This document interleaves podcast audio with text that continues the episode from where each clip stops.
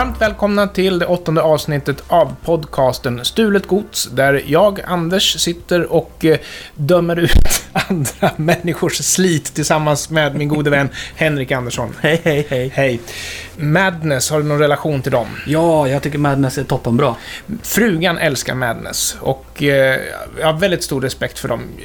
Jag å andra sidan eh, har väldigt stor respekt för ett annat band som har med det här att göra. Men vi ska alltså nu lyssna på en påstådd låtstöld från år 1980 och bandet är Madness alltså och eh, låten heter Embarrassment och den låter så här.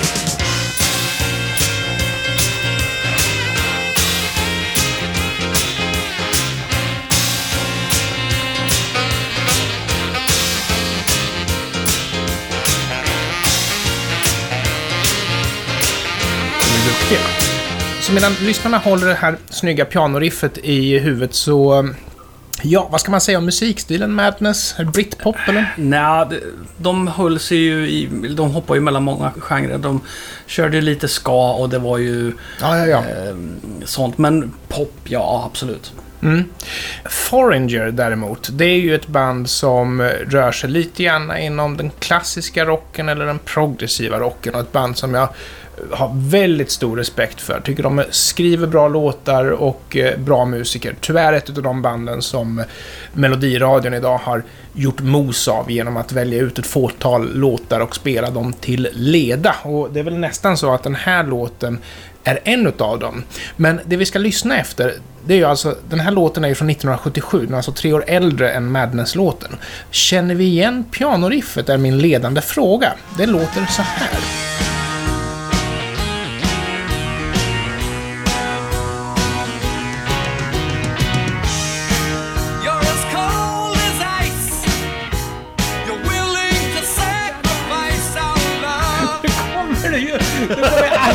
Lyssna på den där låten på samma sätt. Du har förstört en av mina favoritlåtar. Tack Du har så redan mycket. glömt vad jag sa. Nej du, och jag tänker inte upprepa det här. Så vi kommer få en strike ifrån Apple om vi håller på sådär. Okej.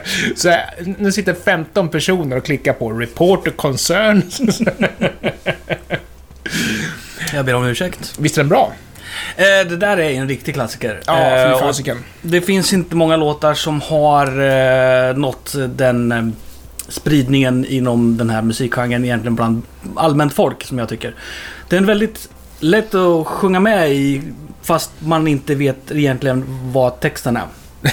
Eller har helt fel om texten. Ja, så kan det vara. Och medvetet dessutom för att förstöra det goda minnet som din vän Anders har till den här. Ja, hur som. Det var ju naturligtvis blam, blam, bladam, bam på, på piano i båda fallen. Får man göra så? Jag har lite svårt att bli upprörd. Över Madness, för det är ju Madness som skulle vara den påstådda låtstölden då. Jag, jag tycker väl att... Jag har svårt att säga vad jag tycker. Eh, är, är, är, är, det- är det likadant? Ja. Ja. Det Har de, används på ett helt annat sätt. har de snott det? Kan det finnas fler låtar som kom före Foreigner-låten Cold as Ice som också har ett liknande riff? Det är ju faktiskt också en fråga som kan vara värd att fundera Det på. är ju fullt möjligt. Ja, för det, det är fullt möjligt. Och Men jag känner ändå gunget är densamma. lite Eh, lägre tempo på Foreigner, lite snabbare Ja, på precis. Madness. Men det... Och det är en helt annan låt ovanpå. Men å andra sidan så är ju riffet jäklar i mig likt alltså.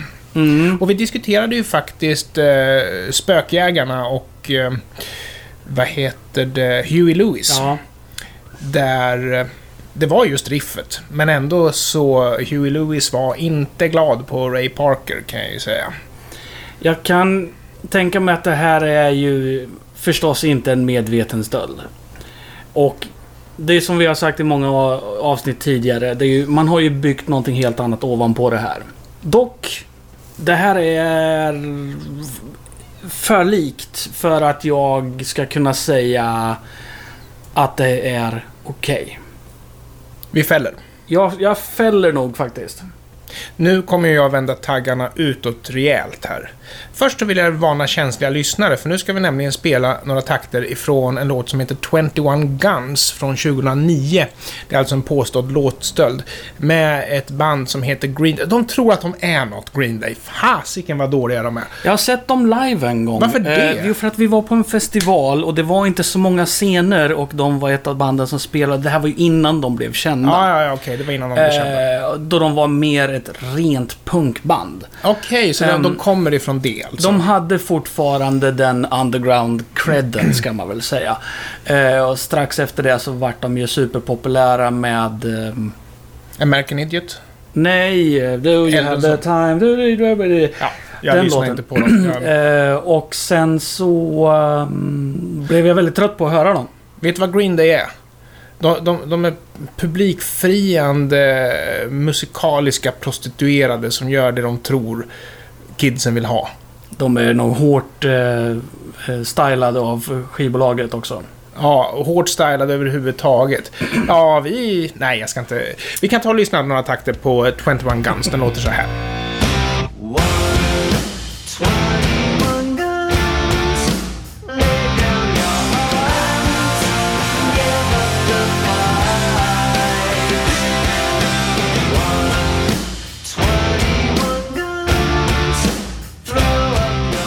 Det här är så mycket punk som eh, man kan bli eh, om man verkligen, verkligen, verkligen eh, vill att brudarna ska gilla en. Exakt. Och jag tror, eh, känner jag Green Day rätt så ligger det- också säkert medvetet och utstuderat inverk där också. Vi ska flytta oss till år 1977, men nu har jag lite blandade känslor här också eftersom eh, jag tycker inte lika bra om Jeff Lynne efter att vi har pratat om han förut.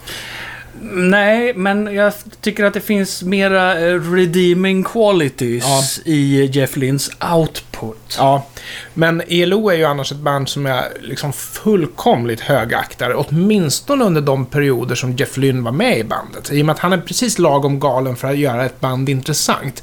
Jag såg en intervju med eh, Trevor Horn ifrån eh, Yes som producerar Jeff Lynnes plattor och han sa att eh, man kan förstöra en bra låt med en dålig text. Och Jeff Lynne kan inte skriva texter, men hans musik är tillräckligt bra så att man glömmer bort det. Man får inte lyssna för mycket på texterna. Det här är Telephone Line med ELO från 1977.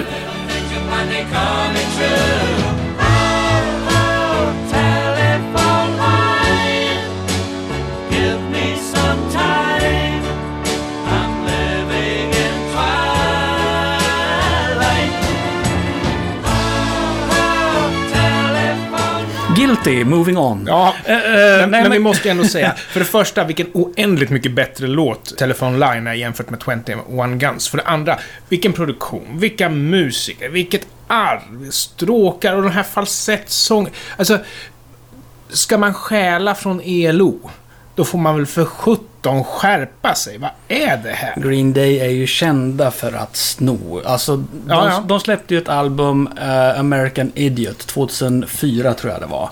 Ehm, där de blev anklagade för att ha stulit riff från allt möjligt över hela Jaha, skivan. du. Så det var till och med en kille då som bestämde sig för att göra en mashup skiva. Där han tog hela American Idiot och mashade upp varenda låt med de påstådda låtstölderna. Nice. Eh, som han gav ut under namnet Dean Gray. Ehm, så Det det, var ju roligt. så den, den skivan kan man leta efter om man tycker det är intressant. Eh, väldigt mycket... ehm, Det var ju faktiskt kul. Ja, sorry. ja, det, var, det är ett sätt man kan nästan lyssna på Green Day på. Ja, ja. Nej, men då, då säger vi Guilty. Och eh, alltså, låtarna är ju olika, tack och lov. Men det kanske beror på att det är inte så himla lätt att kopiera ELOs briljans. När de är bra är de riktigt, riktigt bra. Mm. Då ska vi titta på några låtar som ligger ganska nära varandra i tid igen. Och eh, om vi börjar nu med den påstådda låtstölden så ska jag säga att det här är ingenting som jag har någon relation med. Jag känner inte Peter Schilling i fråga. Och låten från 1988 har jag faktiskt aldrig lyssnat på heller. Eh, den Känner heter inte till det A här. Different Story heter låten 1988. Nej, Det kanske var stort då, men då var jag hårdrockare. Det kan ju vara så här att jag känner igen den när jag hör den, men namnet säger mig ingenting. Eller så känner du igen en helt annan låt när du hör den. Vi provar. Jaha.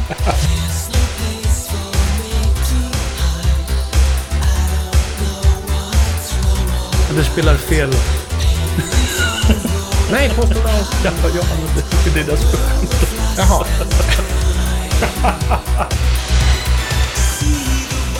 Peter Schilling, The Different Story, 1988. Och eh, det här påstås alltså påminna om en låt med New Order som heter True Faith. Var det inte den du körde alldeles nyss? Man kan tro det. Eh, True Faith. Och den är alltså från 1987. Var en fenomenalt stor hit. Speciellt då med tanke på att New Order var väl lite grann av ett genreband. Men här fick de ju liksom en hit som gick över alla liksom syntare, hårdrockare, alla. Den låter så här. Episk låt. Eller om det var det här som var Peter. Den är väldigt olika i soundet och sådär visserligen. Sången är ju mera... Men det är jätte, jätte, jätte... Fast är det inte soundet som... eh, Jo. Är det inte soundet som knyter ihop dem? Du säger att de är olika i soundet. Eh, New Order mixar ju... Nu kommer jag inte riktigt ihåg Peter Cheney för så noggrant lyssnar jag kanske inte. Men jag tänker att New Order har... Virveltrumman ligger högre. Och mycket tydligare slag på backbeaten. Och, eh, och att sångaren är mer tydlig. Men vi kan köra Peter Schilling igen så kan jag... Ja, han också. Fast annars så är du inne på mera- produktionstekniska detaljer här nästan. Och fram, detaljer i framförandet som de har Mm. gjort annorlunda. Men Ja, nej, det här är... en fråga som jag skulle vilja ställa det är, är det samma melodi? Eller är det så att det är någonting i de här två låtarna som gör att man får, man får true faith i huvudet när man hör The Different Story? Man skulle kunna känna att Different Story är typ en, en, en brygga eller något, en annan sektion av True Faith. Ja, de skulle, de skulle kunna höra ihop till och med alltså. Ja. Ja. Olika bitar ur samma låt. Men eh, Peter Schilling sjunger lite mer... ehm, typ lite mer muted. Lite Ja, mer. däm, Han viskande sjunger kanske. lite mer dämpat Ja. än, än uh, sångaren i New Order vars namn eh, flyr mig för tillfället. Och sen ska jag också säga att när vi lyssnar på det här så har inte vi någon hi-fi-utrustning just nu. För jag har problem med min eh, förstärkare så vi drar ut ljudet genom en TV. Och TV-apparater idag har väl av någon anledning dåligt ljud. Men det är väl för att man ska kunna sälja soundbars och grejer, antar jag. Ja, det är det absolut. Men det som du sa med New Order, att det här varit en, en, en stor hit, en stor bred hit.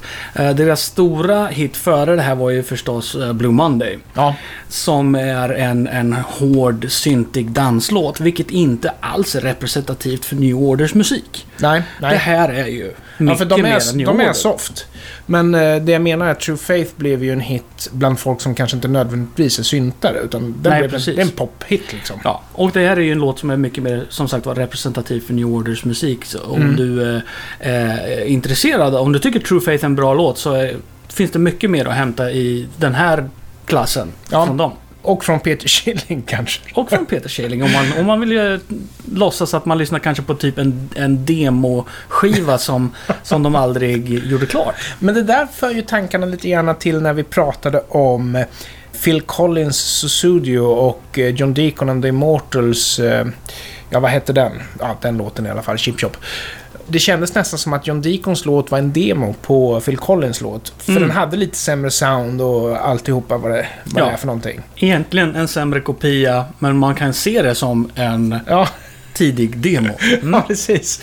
Och det finns en sån här himla rolig story. Det var Bee Gees hade skrivit en låt som hette You Win Again. Som hade väldigt speciella trummor, väldigt fräscha trummor. Och det var väl någon av killarna i bandet som hade suttit hemma i sin studio i källaren och fått till det här soundet. Och så skulle de reproducera det i studion när de skulle spela in den riktiga.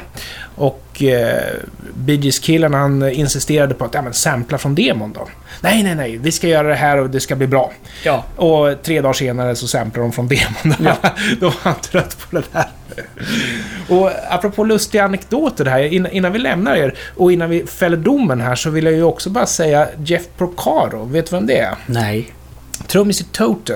Okej. Han spelade bland annat med Janne Schaffer faktiskt också. Ja, coolt. Riktigt grym musiker. Och nu när det börjar på att bli vår och fåglarna har eh, tittat fram så ska jag säga att han dog på grund av att han hög på kokain fick för sig att han skulle gå ut och påta i trädgården och avled av cocktaileffekten från sitt kokain och insektsmedlet han använde. Så Utmärkt. någonting att ta med sig det är att inte ta kokain när du ska döda insekter. Mm. Och då om insekter så har jag sett flertalet stora humlor på sistone och idag Mm. kom det in en fet jävla geting i sovrummet. Och shit, det var nog en drottning kanske som skulle leta efter en ny boplats. Ja, det var en rejäl en i alla fall, men hon fick flyga ut igen. Skulle du inte ha dödat getingen då?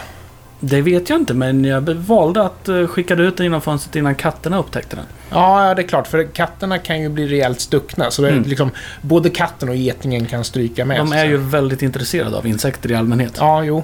Humlorna som de här bjässarna man ser tidigt på våren är väl förmodligen drottningar som är ute och ska starta ny koloni.